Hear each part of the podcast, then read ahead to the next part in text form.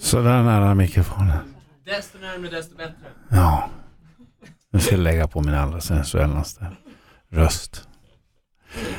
Hej Alexandra. Den passar. Några, ja. Det är ändå... Sträck på er riktigt njutningsfullt och rör varandra. Dilemma med Anders S. Nilsson på Mix Megapol.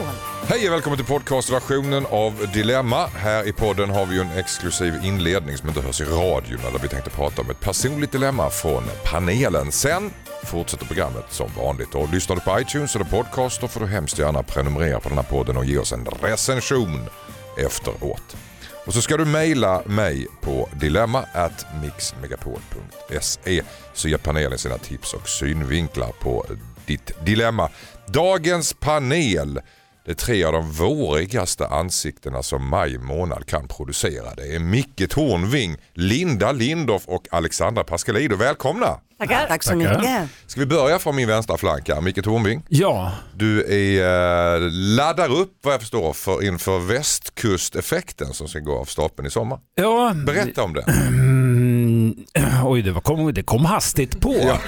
Vill du att jag ska presentera som komiker och skådespelare, Parlamentet, Johan Falk, SNN News, Nej, nej, nej, nej, nej, nej, nej. Okej, nej. Nej men vi är ett gäng eh, komiker som ska åka ut i, i sommar och göra ett antal föreställningar och det är framförallt för att vi trivs med varandra och ty tycker att det är trevligt. Mm. Mm. Ett hårt schema, eh, en vecka eller en och en halv vecka Ja, ungefär. en och en halv vecka tror jag nog att det blir. Ja. Varje kväll kör ni. Ja. Mm. Ja, trevligt. Eh, Linda Lindorff, Ja, hej. förlåt mig. Ja, Mm. Hur, men går det hur typ går det för dig? nu, det är bara- ja, det, ja, går det bra för er? ja, alla är förlåtna. och har funnit, funnit för det har varit varandra. lite tufft där ett tag. Ja, det har varit lite tufft. Ja. Men, men det är ju svårt att prata om sådana saker som synd och skam och Mm. öppna upp. Och, eh, ja, det, Recensenter gillar inte känslor-tv överhuvudtaget. De är ju stenhårda, iskalla. nej, ja, nej, men alltså så här, sen smaken är ju lite olika beroende på vad man vill ha och sådär. Och vill man ha känslor, så jag kan säga att de recensioner som jag har fått av tv-tittarna och publiken har ju varit otroligt fin och bra. Mm. Så på så vis är det härligt. Har du något minne som du kommer ihåg speciellt? Sådär?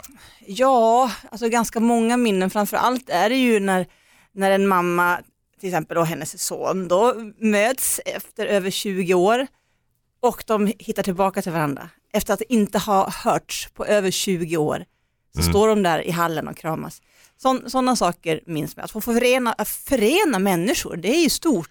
Någon slags fredsmäklare är du? Ja, Mm. och kärleksförmedlare Ja, ska Ja. bege dig till Iran. Till Iran. Ja, där behövs det mycket kärlek nu känns det som. Men du vet att vi har dragit igång med bönderna ju. Det är ju just nu, det här är superviktigt. Åh! Ja. Kan jag få säga det här bara? Gör det. Bonden Per, Mm. han spelar fiol han kan spela allt på fiol och han har massor av fina träd på sin tomt och ett fint hus och kor och allt möjligt. Och han har fått lite för få brev. Så ni måste skriva till bonden Per. Han förtjänar kärlek kanske mer än någon annan Okej. i I'm on världen. it. Jag kör, jag är redo, jag skriver. Han har redan börjat Ja. eh, skissa lite grann på en öppning här på Men gud, och är du singel Alexander? Nej. Eh, Jag, jag svarar inte på sådana Alexandra här har stått alldeles tyst. Jag har aldrig hört Alexandra så tyst någonsin som när du stod och lyssnade på Linda här. Hon är chockad. Fokuserar. Nej, nej, nej. Jag lyssnar fokuserad här. Du är jättevälkommen Alexandra Tack, såklart. Per. Och du ska bilda en ny akademi, akademi har vi kunnat läsa det. på Stämmer Twitter. bra det. Ja, Det vi krävs en grek. Svenska Akademin. Det och- krävs en grek för att starta en ny akademi. Det var ju vi som startade allt en gång i tiden. Min eh, morfar Platon, han stod där på agoran i Aten Ja. och samlade de misogyna männen. Det, det började bra men sen känns det som att det planar ut lite De grann. tappar, de tappar bollen kan man ju Ja. säga. Och, eh, och sen så har ju Svenska Akademin också klantat sig. Något, något i, ja, jag, vet, jag ska inte ens eh, karaktärisera hur mycket de har klantat sig. Men här står vi alltså idag, världens mest jämställda land Ja. som inte förmår, med en svensk akademi, eh, med kungen som beskyddare, men en akademi som inte förmår dela ut världens viktigaste, finaste litteraturpris Nej. det starkaste varumärket. Och jag, jag sörjer vårt Men det läcker ju anseende. som ett såll så att man blir väl rädd att det ska läcka Nej, men ut inte bara det, jag tänker på om- sexuella trakasserier Ja, som de har absolut blundat för och såklart, ja. korruption. Så då tänkte jag sen, nej men nej, jag, jag drar igång en ny akademi och nu kan jag säga att idag är vi över 50 personer Mhm. och det tillkommer hela tiden nya medlemmar och det är helt fantastiskt. Och du har ju en mycket speciell eh, inbjudan, kanske våra andra eh, medverkande här också, eh, på galan den 10 december när det här Nobelpriset i litteratur, det nya, fräscha ska delas ut. Trevligt. Kan, vi få, kan du läcka till mig vem det blir? Eh, det beror på vad du är kan betala vi är så fattiga just nu. Så att, nej skojar. Okej. Nej det går inte för sig. Tornvik, du höll upp handen där. Var det något du Ja, ville säga? ja, alltså, Hans det, dilemma det, är lite, kanske? ku- nej, men det är lite kul det här med Nobelpriset i litteratur. Det var en, en, ett biuppdrag som akademin motvilligt accepterade Mhm. en gång i tiden. En liten bisyssla. Det var inte alls det primära och jag tror inte att det är det fortfarande heller utan det är en sån liten Det primära var ordlistan eller vad var Ja, det? ordlistan och att vårda det svenska språket. Mm. Mm. Där ser man vad man får lära. Och eh, jag har också fått lära mig att du ska ha ett dilemma idag Micke. Ja. Ja. Berätta om någonting som du har gått och eh, brottats med. ja, det här är så jobbigt så att det, det är riktigt jobbigt. Vill du... När jag Vi åker... ska ta en längre paus. Nej, nej. När man ska åka och återvinna, Mm. då tycker jag att det är jättejobbigt när det finns en rom där. För att jag har nästan aldrig kontanter.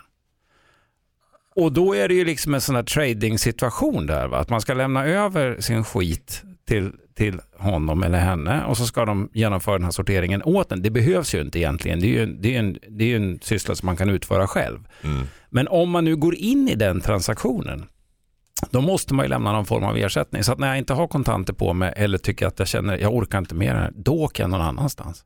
Visst är det hemskt? När man lämnar eh, tomflaskor och pappkartonger och Ja, ja. plastpåsar. Jag, ni i innerstan gör väl inte sånt, men vi andra människor som bor utanför. Där är en tiggare så att säga bredvid de här Ja. stationerna. Ja, Och du har inte kontanter med dig. Det är ju Nej. ett problem tror jag som vi, vi som vill ge. Men alltså det, annars sidan så är det, man kan inte tänka sig att de har swish och sådär. ja kanske. Kanske kommer. Ja. Men brukar du vilja ha hjälpen? Det är inte det som är problemet, inte- det är jag vill inte- kontanterna som är Jag vill dilemmat. inte ha hjälp. Alltså, dilemmat är ju att det här är en tjänst som jag inte vill köpa. Ja. Men, men den här personen står på en, en anläggning som jag måste till för att lämna ifrån mig mina grejer. Men om jag du är säger jag vill medve- själv? Ja, men jag är fullt ve- medveten om att den här personen också har eh, ekonomiskt betydligt kärvare än vad jag har.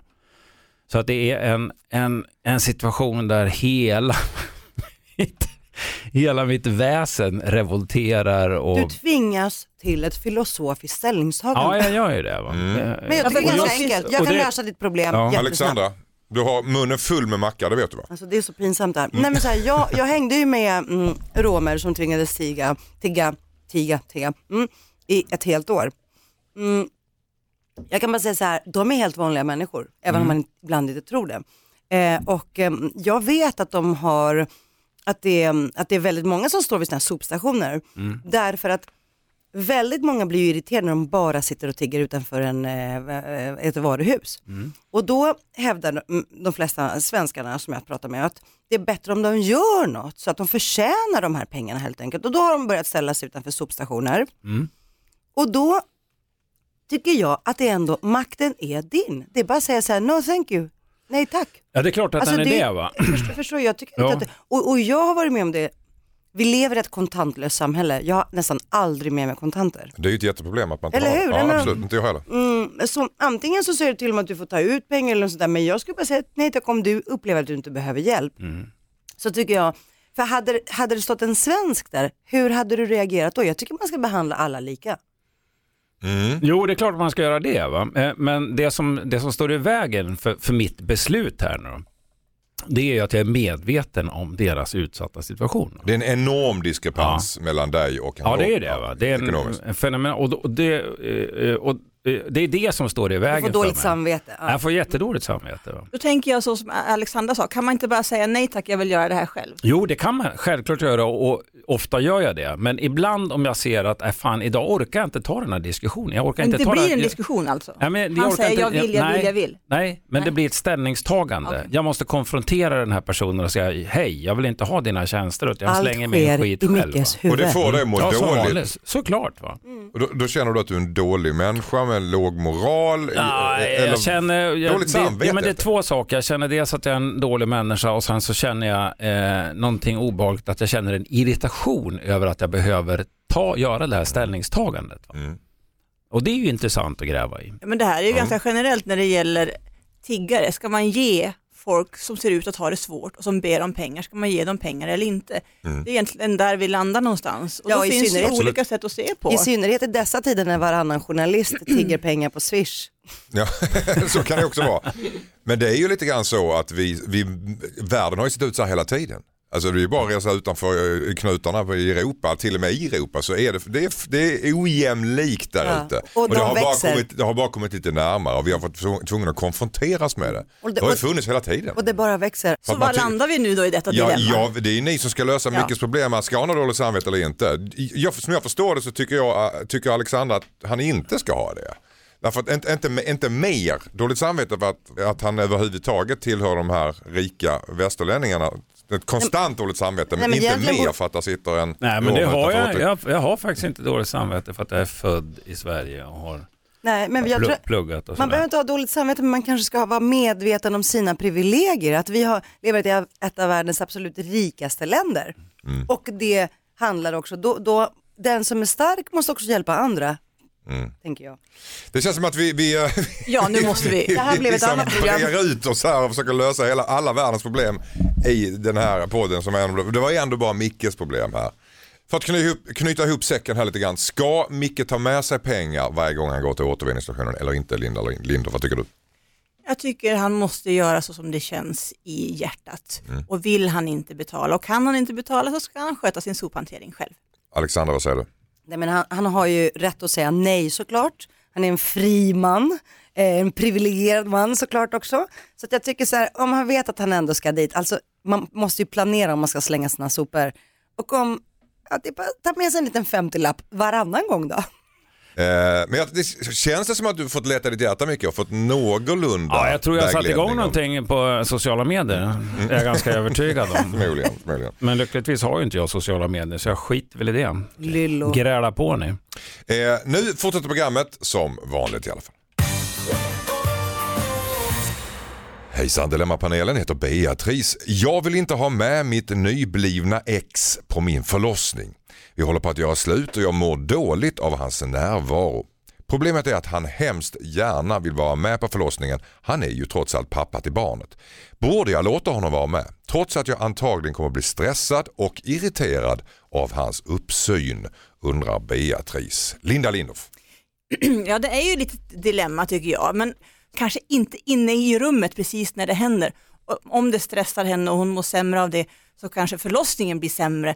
Så där tycker jag att eh, hon får eh, bestämma själv, vara själv i rummet om hon vill, men låt han vara i korridoren utanför och vara snabbt inne när den ligger vid bröstet. Okej, men inte in i förlossningen. Och sen Micke Tornving.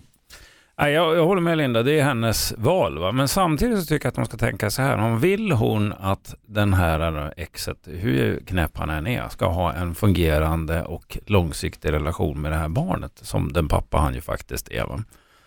Eh, så ska hon ta det i beaktande när hon fattar sitt beslut. Kan hon sätta sig över den här tillfälliga irritationen, som säkert är fullt begriplig, eh, och ändå låta honom vara med för den framtida relationen med barnets skull. Men Men- hon använder ju ord som att det skulle stressa henne eller försämra hennes Hon skulle bli irriterad. Det är ju inte hon, bra skri, i hon samband med förlossning. fast, nej det, jag vet det. Hon skriver, ju- hon skriver att hon har ett dilemma. Och jag säger åt henne att hon ska ta det i beaktande och se om det kanske kan få henne att liksom hitta ett sätt att bortse från den här irritationen till honom så att hon behåller sitt lugn. Så det, alltså, ja, i bästa världar så vore det bäst om han var med tycker du? Om hon kunde bortse från att hon blir stressad och irriterad. Och Tänk en man som man inte gillar som ska se en mellan benen när barnet kommer ut. Man Ja, fast det har väl inte gjort förut. Nej, men han om man mår dåligt av Ja, det, jo, om nej, hon men- mår dåligt av det, det är Jo, det man måste tänka på. Det finns tillräckligt med, med barn som ställer till otyg på grund av att de har en pappa som aldrig var närvarande och vi behöver ju inte fler sådana. Nej. Det är hon som fattar beslutet men hon ska ta det i beaktande tycker jag. Alexander Pascalidou, vad säger du? Ja, Jag tycker det är solklart. Han Mm. ska inte vara med på förlossningen. De är inte ens tillsammans längre. Det är inte ens ett par längre. Sen är ju en förlossning något av det starkaste men också mest sårbara stunden i en kvinnas liv. Och jag minns att jag inte ville att min kille skulle vara med. Eh, och när han... Även om du var kär i honom? Ja, det, ja, visst han hade sett mig naken när vi hade sex men det här var en annan känsla. Och då satt min kille och käkade pannbiff medan jag led.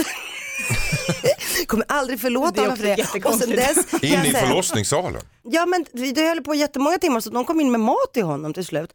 Men jag menar att jag tycker inte att det behöver vara självklart att man som kvinna måste ställa upp och ha med någon annan eh, där. Utan jag tror att en man har alla chanser att knyta an till sitt barn sekunden efter. Ja. Okej, okay, det känns ju som att ni är ganska överens i alla fall. Att det är hon som bestämmer och känner hon eh, irriterad och stressad över hans närvaro i förlossningssalen så ska hon absolut inte bjuda in honom där. Men Micke påpekar i alla fall att det är viktigt att hon när en god relation mellan barnet och pappan. Tack. Hejsan Dilemma-panelen, jag heter Hamid. Jag har en kollega som låtsas jobbar ofta. Vi sitter bredvid varandra och jag ser att han slösurfar tills chefen dyker upp. Arbetsgruppen har en gemensam budget som avgör vår bonus, så min lön påverkas alltså av hans slöande. Jag brukar pika honom men han har alltid bortförklaringar. Stämningen kommer ju inte bli så bra om man får reda på att jag skvallrar till chefen. Vad ska jag göra undrar Hamid. Alexandra Pascalido. Hamid, golare har inga polare. jag skojar. Nej, Fast han förlorar Men- på det här på hans slöande. De har gemensam budget. Ja. Nej men det är osolidariskt av slöfocken. Han får faktiskt piska honom lite och de, de måste ta upp det här. Jag tycker man ska ta upp det här inför honom och säga så här, jag har noterat det här, varför, hur? Du kan ju fråga om han har något problem eller om han kanske, vad vet jag, han kanske inte har ätit tillräckligt mycket mat, han kanske är hungrig yr. Vad vet jag, alltså man kan utgå Eller bara ren lat, det finns gott om Han folk. kan vara en lat jävel en också. pur latmask. Men, precis, men, då, men jag tycker man måste ta upp det för det är som sagt det är förkastligt och jag blir väldigt irriterad på lata människor. Tänk om det är så att den här killen inte fuskjobbar eller slöjobbar utan han faktiskt inte kan sina uppgifter så väl. Så han låtsas för att han inte har kunskapen, han försöker dölja det för andra så inte de ska märka det. Han vill inte att bluffen ska avslöjas för han behöver sitt jobb och han behöver sin lön. Så han kanske försöker men kan, inte klarar av det. Så innan han tar det till arbetsgruppen eller till chefen så tycker jag att han ska prata med den här killen och säga, har du problem? Är det så att du inte förstår dina uppgifter? Kan jag hjälpa dig på något vis? Prata med honom och se om det är något fel, för jag tror att de flesta människor ändå vill göra rätt för sig på jobbet. Vad säger Micke? Jag hade nog gjort så här, att jag hade sagt att steg ett det är att jag snackar med de andra i den här arbetsgruppen. Och så får du ta diskussionen med dem och steg två det är att vi snackar med chefen. För jag, jag köper inte att du din lata fan sitter och låtsasjobbar. För det är min bonus som ryker på det. Mm. Och det är jobbigt att ta den konflikten, det är det. Men den här snubben, för jag är med fan på att det är en snubbe, han har glidit igenom livet på en jävla räkmacka och det är såna här gånger jag önskar verkligen att värnplikten var tillbaka med full kraft. För där gick det inte att smita. Jag visste att det skulle komma in en militär referens Ja. någonstans i detta. Men alltså Micke, Ta honom i örat. Micke, du låter väldigt engagerad i detta. har, du jag- upplevt, jag har du haft inte- en sån här kompis? Ja, men det, ja, det är klart att jag har haft det, men det var ju i den miljön. Och då tog man honom åt sidan ett gäng Mm. och klarade ut för honom att nu hjälper du till att skotta snö, annars sover du fan ute. Va? Mm. Och då fick de göra det. Hjälpte de inte till att skotta, då fick de sova under granen. En lösning är att ni anställer Micke Tornving till det här jobbet så löser han biffen helt enkelt. på den, på den jäveln bara.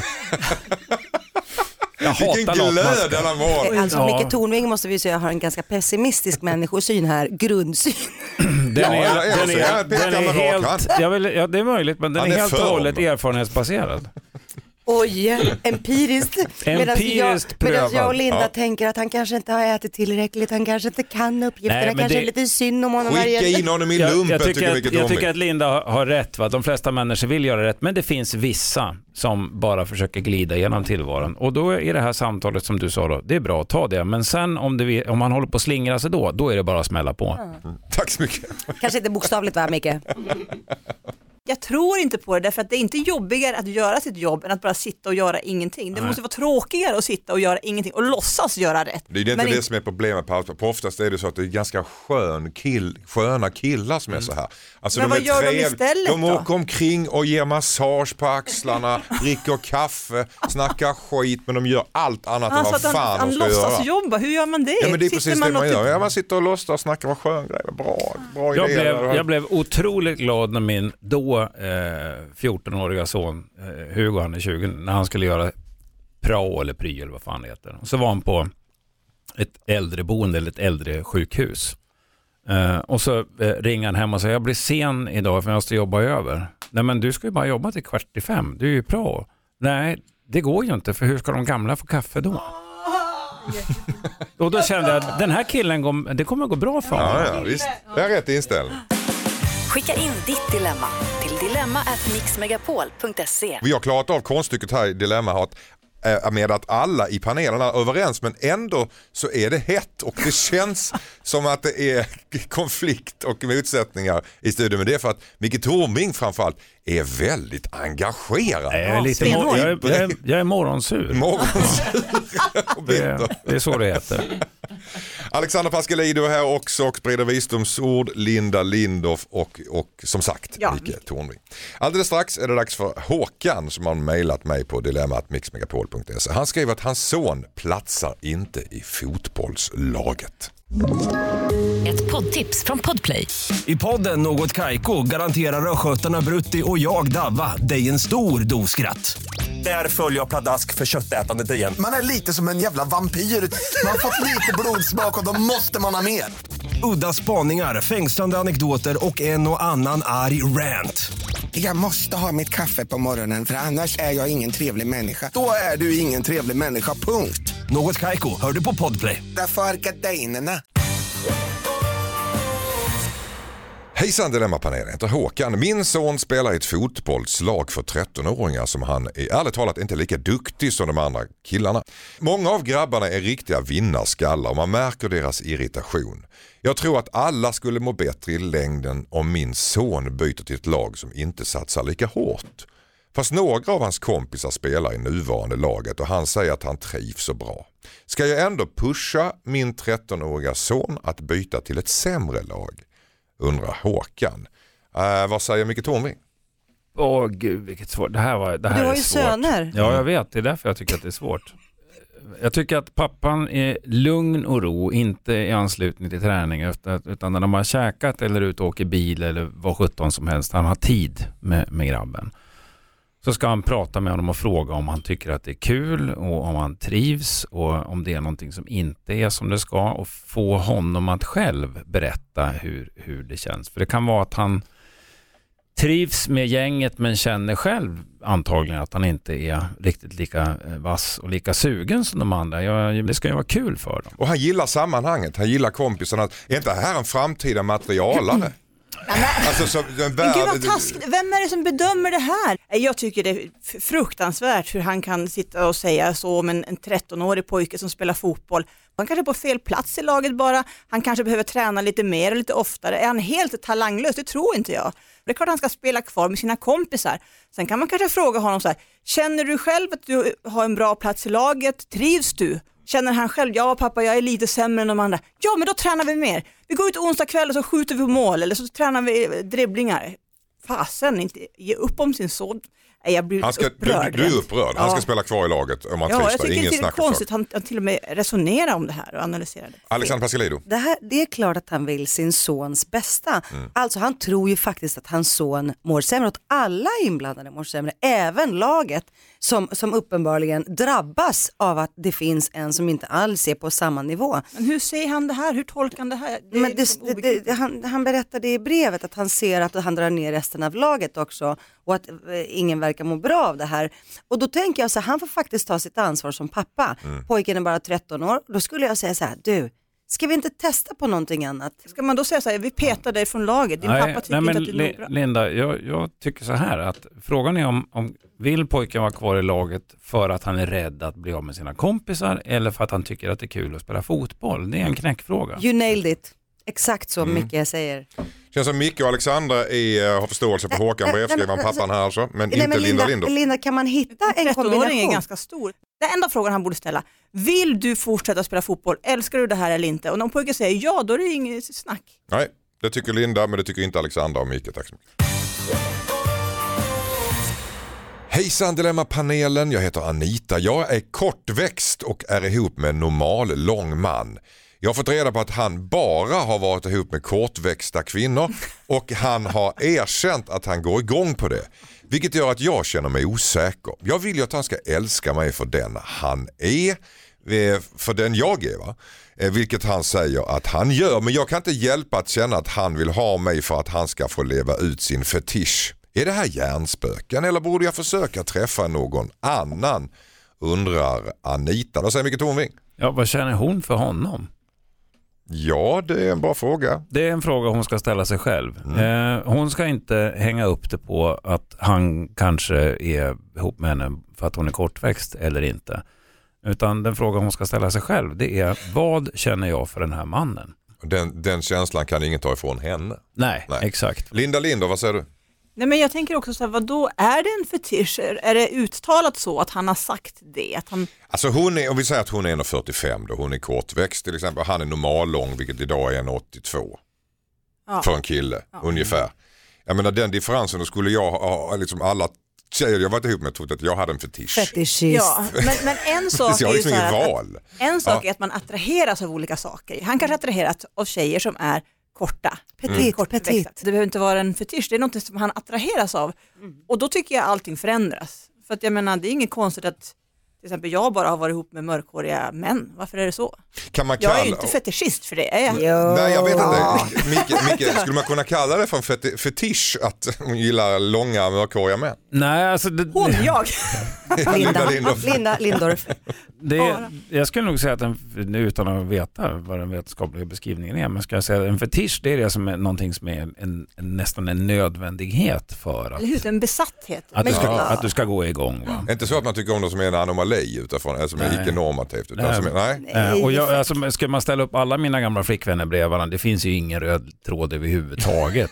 det är bara som en enda blandning av olika storlekar och Fint längder. att du och- inte är diskriminerande. Nej, jag tar ju de som, som är intresserade av mig. Det är Ja, ja. så Eller- jag jobbar. Liksom. Den gamla En klassikern. bra dejt för Micke, det är en tjej som dyker upp. Fint kriterium. Alla som gillar Andas mig. hon dyker upp och, och inte kräks när hon kysser mig, då är hon min. Alexandra Pascalidou, vad säger du? Jag hör någonting här i det här brevet, eh, nämligen en liten osäkerhet. Ett bl- bräckligt självförtroende. När man plötsligt börjar tänka liksom, åh, undrar vill han verkligen ha mig och varför om man vill ha mig. Och egentligen så låter det som att det grundar sig i att jag inte riktigt känner mig värdig att bli älskad. Det tror jag också. Och, och jag tycker att tänk bort huruvida han är fetischist eller han har eh, ty- typecastat sina flickvänner eller sina eh, liksom kärleksobjekt eller vad det nu är. Utan bara gå tillbaka till dig själv och, och känna att oavsett hur lång eller kort du är så är du en människa som är värd att älskas. Det där kan ju ta lite ja. tid om man har dålig självkänsla. Det kan ju ta tid att bygga upp. Det tar ju igen. inte en dag eller ett Nej. dygn tyvärr.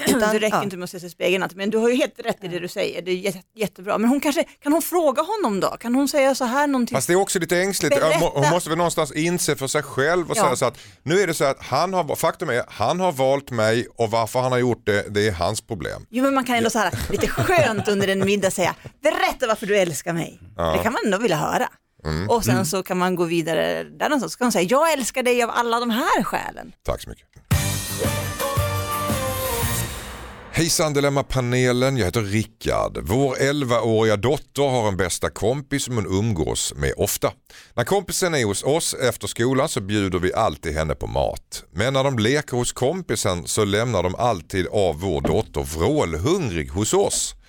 Då har hon fått vänta på kompisens rum medan familjen äter mat. Det känns otroligt snålt.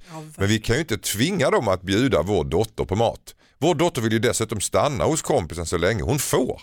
Vad ska vi göra? undrar Rickard. Alexandra. Det finns faktiskt en särskild plats i helvetet för de som är snåla mot barn. jag håller måste med. jag säga. Det är det vidrigaste jag vet och jag har stått otaliga gånger när jag växte upp i hallen och väntat på dem medan de åt middag.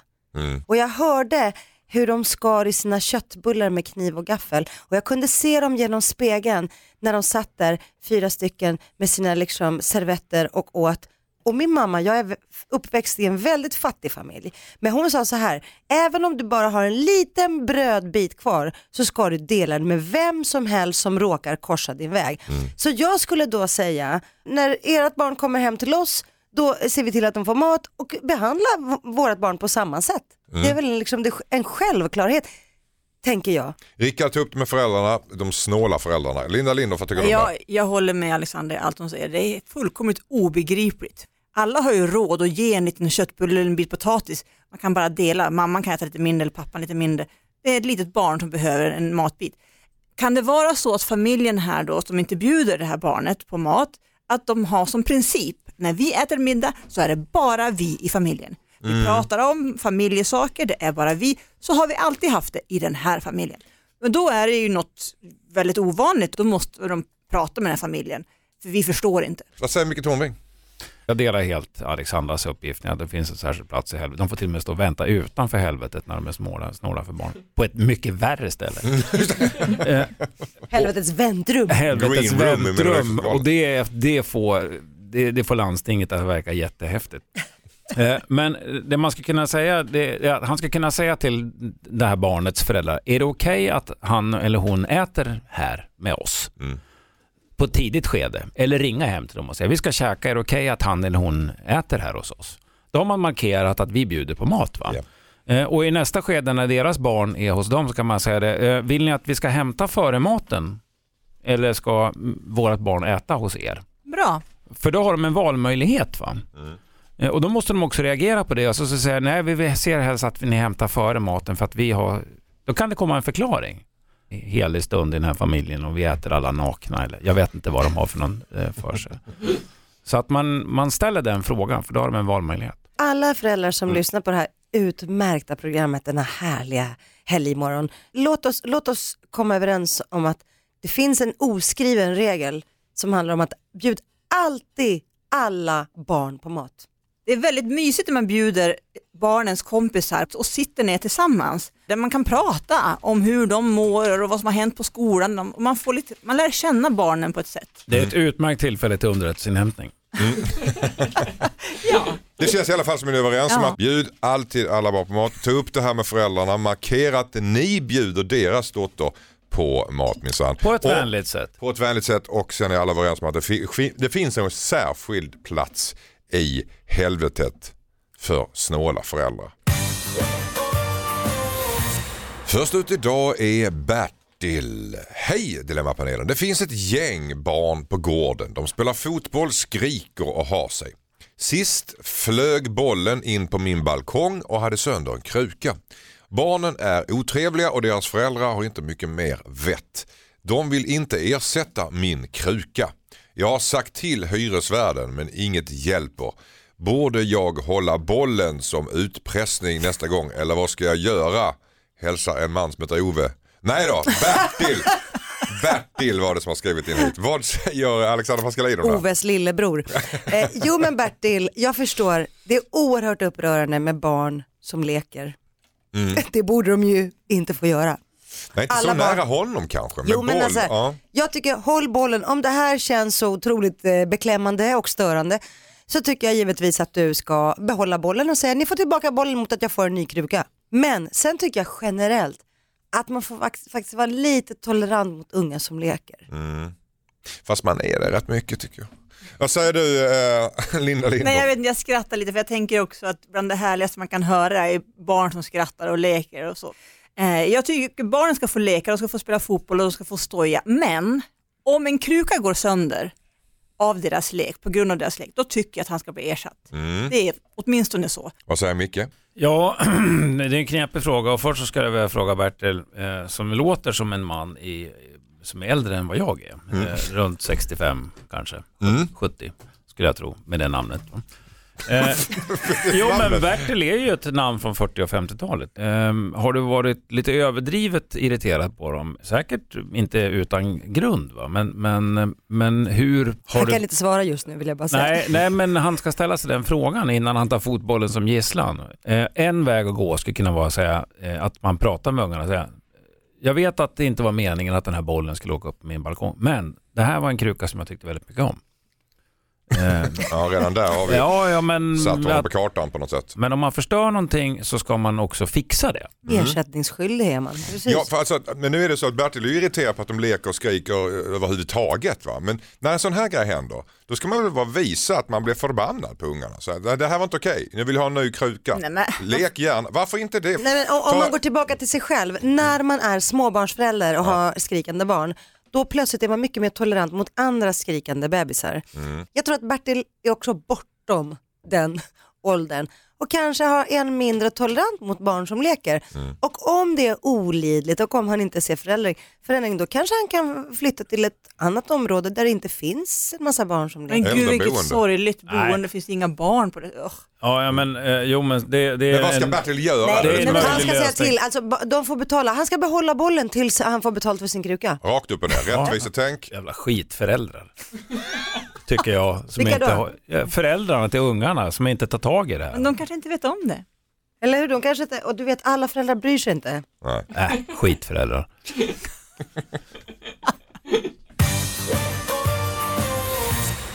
Hejsan Dilemmapanelen, jag heter Herman. Jag har en väldigt liten penis, en så kallad mikropenis. Jag kan ha sex men måste ta till andra knep för att tillfredsställa min partner.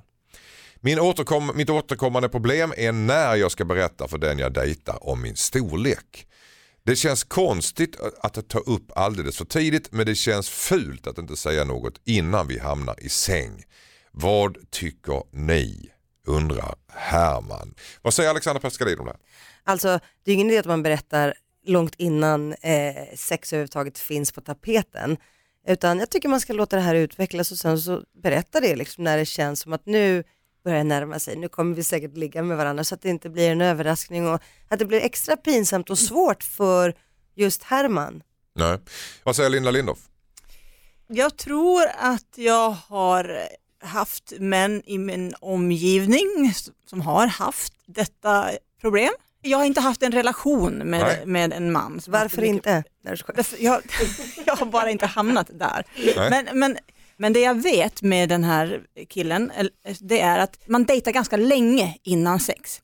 Man vill känna sig trygg med den här personen som man dejtar, att det faktiskt finns någonting här. Sen finns det ju tjejer som älskar, ja, ja, Du Du, gör, pekar. du, du, nej, du gör en stor rörelse här nu som om du, du höll i ett? Som basebollträd. något sätt. som älskar själva eh, erigerade Ja, ja. Det- Jag Ja. tror, oj, oj, Så oj. kan det ju vara, men, men jag vill bara säga att när man älskar en människa så har man sex på alla möjliga olika vis med mikropenis eller jättedong. Ding dong. Ding dong. Ding Alltså, det- dong. det- det- det- Varför vågar inte jag säga kol kol? Jag vågar inte i radio. Eh, vad säger Micke Tornving? Ja, det här är ju ett, ett jag, jag förstår ju att det här är ett, ett jättebesvärligt dilemma. För antingen så gör det som Linda säger, att, att du väntar och är helt säker på att det här är en person som, som gillar dig och som älskar dig som, som man. Mm. Och då vid något tillfälle så kommer det yppa sig en, en situation där du kan fråga hur viktigt är hur mannen är utrustad eller är det viktigt att han tillfredsställer dig? För det här behöver jag veta i den här situationen. Annars kommer det här bli jobbigt. Mm. Att du kan vara ganska öppen med det. Och om hon då säger att, jag tycker, för det finns faktiskt ganska många kvinnor som jag tror känner en lättnad över att, att man inte är så där eh, vanvettigt välhängd som de porrfilmsstjärna utan att det viktigaste är att man kan tillfredsställa dem. Och det Mm. finns det många sätt att göra på. Alltså eh, orgasmer hänger ju inte alltid ihop med stora snoppar. Kanske till och med är det så att om man har en mikropenis så är man ännu bättre i säng, sängen än någon är välhängd. För För då de kanske de tänker bara här, att ja, det räcker med att man har bara Ja, en det är stor. bara, så, det är bara Ja, att damma bara- in den så är det klart. Va? Så är det ju Nej inte men det riktigt. tror de, det tror Ja, de. jo, men de så tror är det inte. Va? Så är det ju inte. Va? så Herman kanske ligger väldigt bra till. Men, men, Man har jag, lärt sig en massa sidoskills helt enkelt som har blivit expert. ja, men jag, jag håller med om att jag förstår att det säkert har varit jobbigt på många olika vis i, i livet för honom för att det är ju ändå så. Herman tycker inte du ska berätta det på första dejten, men berätta det. När du känner att relationen är seriös, när du Ja, känner att det här är någonting Jag jag vill Så satsa Så på. det. Mm. Tack så mycket. Hejsan Dilemmapanelen, jag heter Bella. Av någon anledning jag inte förstår så älskar min chef mig. Han kan vara förvirrad och kan ge folk stora arbetsuppgifter sent vilket leder till att andra får jobba över och så vidare. Det händer aldrig mig. Jag blir särbehandlad vilket gör att jag ofta får syrliga kommentarer av mina kollegor. Jag har inte valt det här men det ger ju mig fördelar. Antingen kan jag tydligt ta parti mot min chef nästa gång det händer eller så fortsätter jag njuta av min lindriga arbetsbörda. Vad tycker ni? Undrar Bella. Linda Linder, vad säger kanske att hon ska ta upp det med honom och säga att jag måste nog få lite arbetsuppgifter också för folk tror nästan att vi ligger med varandra. För jag behöver aldrig göra något extra arbete eller jobba över medan som alla andra får det. Hon måste väga fördelarna mot nackdelarna och ta ett eget beslut här. Tycker jag att fördelarna med att inte jobba väger mot nackdelarna, då får jag väl behålla det som det är. Annars måste hon ju prata med chefen och säga att jag gillar dig och älskar att du ger mig fördelar, men sluta. Gör en analys helt enkelt av situationen. Vad säger Alexander Pascalidou? Jag tror att det är ganska svårt att avfärda fördelar. Det, ja det är det. Eller Men det finns ju nackdelar här också. Du Det får är nackdelar av Dålig arbetsmiljö, liksom avundsjuka det. kollegor och så vidare. Ja, det, och, och, och avundsjuka och gliringar, det kan man ju faktiskt alltid räkna med oavsett om man är, jobbar för lite eller för mycket. Men ingenting slår lindrig arbetsbörda. Nej. Det är det du försöker säga. Jag skulle ju snarare försöka för, för, för, liksom fråga chefen, varför får jag, kommer jag så lindrigt undan? Men Bella är väl kanske lite, är han kär i mig? Ja men det, var Alltså, det, ja. det är det jag är ute Vad ska efter. ta det här vägen på Jag, slutfesten? jag är lite intresserad, jag skulle försöka eh, liksom rota lite i det där. Mm. Varför just jag, varför slipper jag? Varför blir jag så gynnsamt behandlad? Han kanske tycker att hon inte kan. Eller det var det jag menade, antingen Han är han känner kär sig i att alla henne, andra är bättre kär, än hon. eller så är hon, han, han, Hon slipper göra. hon kanske är lite efter, lite... Micke här sitter och, och snickar på ett facit. Nej, nej, det gör jag inte. Men det, jo, på sätt och vis. Jag tror att hon redan har gjort en analys och jag tror att hon redan har valt. Och det döljer sig i formuleringen, eller så fortsätter jag njuta av min lindriga arbetsbörda. Det är nästan poetiskt. Ja, eh, och det borgar ju för att hon har redan gjort ett, Ja. ett, ett slags val. va. Så Hon står ut med hans uppvaktning. Ja, det ska hon ju akta sig för. Mm. För det kan ju bli, som höstens diskussioner har visat, väldigt jobbigt. Va? Fast det är ju nå- det är ju någon slags passivt aggressiv uppvaktning som man sysslar med, chefen, är det inte så? Eh, Det kan det vara, men det behöver ju inte vara det. Utan han kanske påminner om hennes, eh, om en tjej han var kär i. Det, är- ofta är det omedvetet. Nej, men det är omedveten favorisering Ja, som det kan förekomma. jag Men jag skulle också säga till, varje gång jag får en gliring eller någon sån här liten avundsjuk liten, en liten tagg, då ska jag säga att men snacka med chefen. Det är ju inte mitt fel, jag har inte gjort någonting. Nej, hon kan ju också erbjuda sig att hjälpa sina kollegor om hon har det så, så jobbigt. Va? Och visa solidaritet och säga, om du har det tungt nu, jag vet att jag har det mycket lättare än vad du har och du har det här. Jag kan ta det här åt dig om du vill. Mm. Så Gulligt. löser ju det problemet. Gulligt Micke, gulligt. Ja faktiskt, jag tycker Micke sa kloka ord där. Hörde du det Micke? Det var Gulligt. faktiskt oväntat Micke. Va? Gulligt Micke. Pratar ni med mig? Va? Gulligt Micke. Tack så mycket.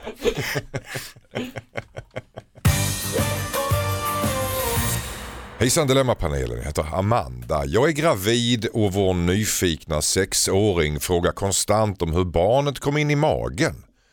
Jag och min man är inte överens om det är för tidigt att berätta för en sexåring om detta. Vi har sagt något om ett frö i magen som växer när föräldrar kramas.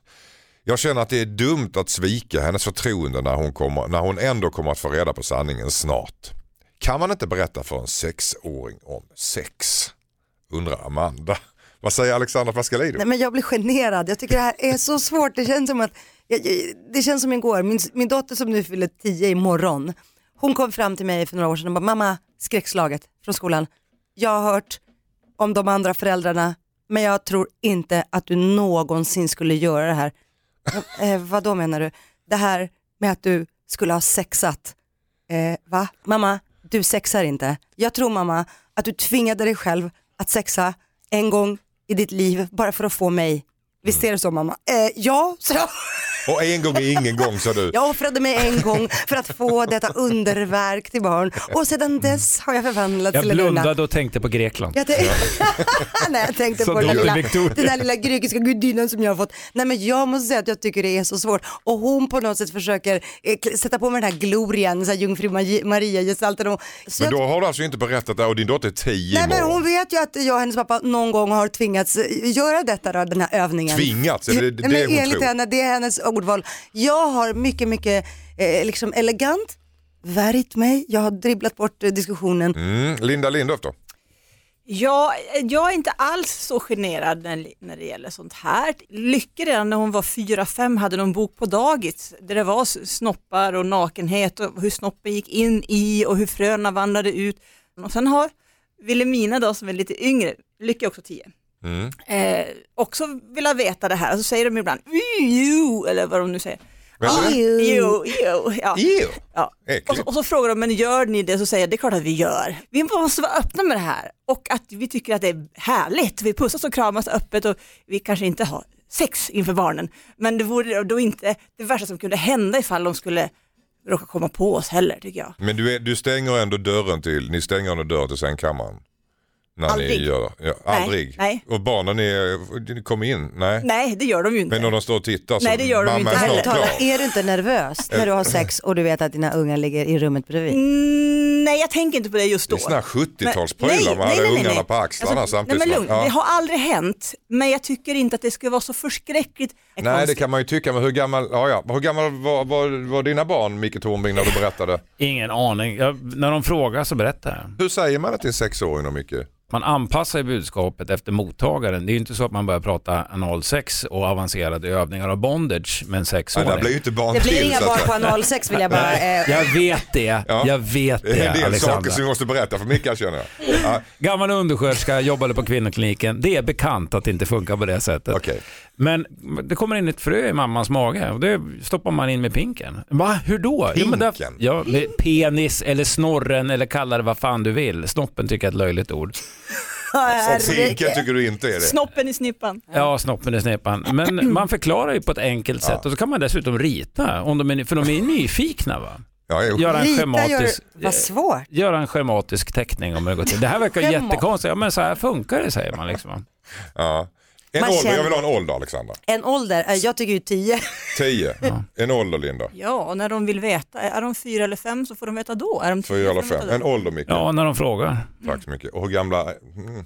Mm. Fyra, fem Tack. kan de vara. Ja. Tack så mycket Micke Tornving. Tack så mycket. Tack så mycket Linda Lindorff. Stort tack. Och tack Alexandra Pascalidou. Tusen tack. Det har varit så trevligt att vara med er denna söndag morgon. Och så mejlar du där hemma in dina dilemma till dilemmatmixmegapol.se. Kom ihåg att vi byter ut ditt namn så du är anonym. Nästa helg är jag tillbaka med Hasse Aro, Regina Lund och Anita Schulman i panelen. Vi säger ha en underbar vårsöndag och toodiloo! Hej då! Ett poddtips från Podplay. I fallen jag aldrig glömmer djupdyker Hasse Aro i arbetet bakom några av Sveriges mest uppseendeväckande brottsutredningar. Går vi in med hemlig telefonavlyssning och, och då upplever vi att vi får en total förändring av hans beteende. Vad är det som händer nu? Vem är det som läcker? Och så säger han att jag är kriminell, jag har varit kriminell i hela mitt liv men att mörda ett barn, där går min gräns. Nya säsongen av Fallen jag aldrig glömmer på Podplay.